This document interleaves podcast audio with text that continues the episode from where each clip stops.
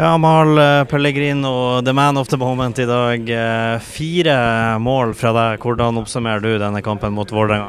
Nei, det er jo litt sånn uh, ufortjent uh, høydepunkt, uh, føler jeg selv. da. Um, det er flere gutter som står bak, en, bak de målene her, så um, Eh, at det er jeg som eh, blir man of the moment, syns jeg er feil. Jeg eh, syns gutta er gode i dag offensivt, og det er, det det jeg føler folk kanskje ikke er flinke nok til å se.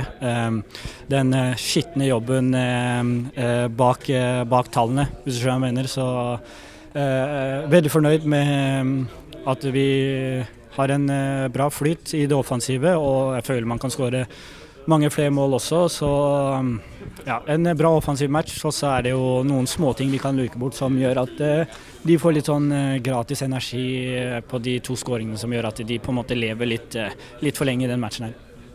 Etter, etter, to kamper nå som har gått litt, litt trått kan vi si, for hele laget, og spesielt da den, den mot mot borte i Sveistad med gressmatte som var umulig å, å, spille på. Etter to kamper med prestasjoner litt under middels, hvor deilig er det å slå tilbake med en kamp som det her, ikke minst da, for din egen del med fire mål? Ja, selvfølgelig. Det, seier gir selvtillit, så er vi nødt til å bygge videre på det her. Vi trenger, uh, trenger et par matcher uh, hvor det flyter litt, og kanskje litt flere kamper hvor vi vinner flere matcher på rad. Så så det er eh, en fin start, og så er vi nødt til å bygge videre på det her. Og så den, den siste skåringa di i dag. Eh, når, når, du får den der fra midtbanen og skal sprenge hele veien, det er jo mange som ofte sliter litt med de der, for du får for god tid på å tenke på, på hva du skal gjøre og hvor du skal legge den. For din del, hvor sikker er du på at den her kommer til å gå i mål? Når, når skjønner du fra du får ballen på midtbanen til at det her blir skåring?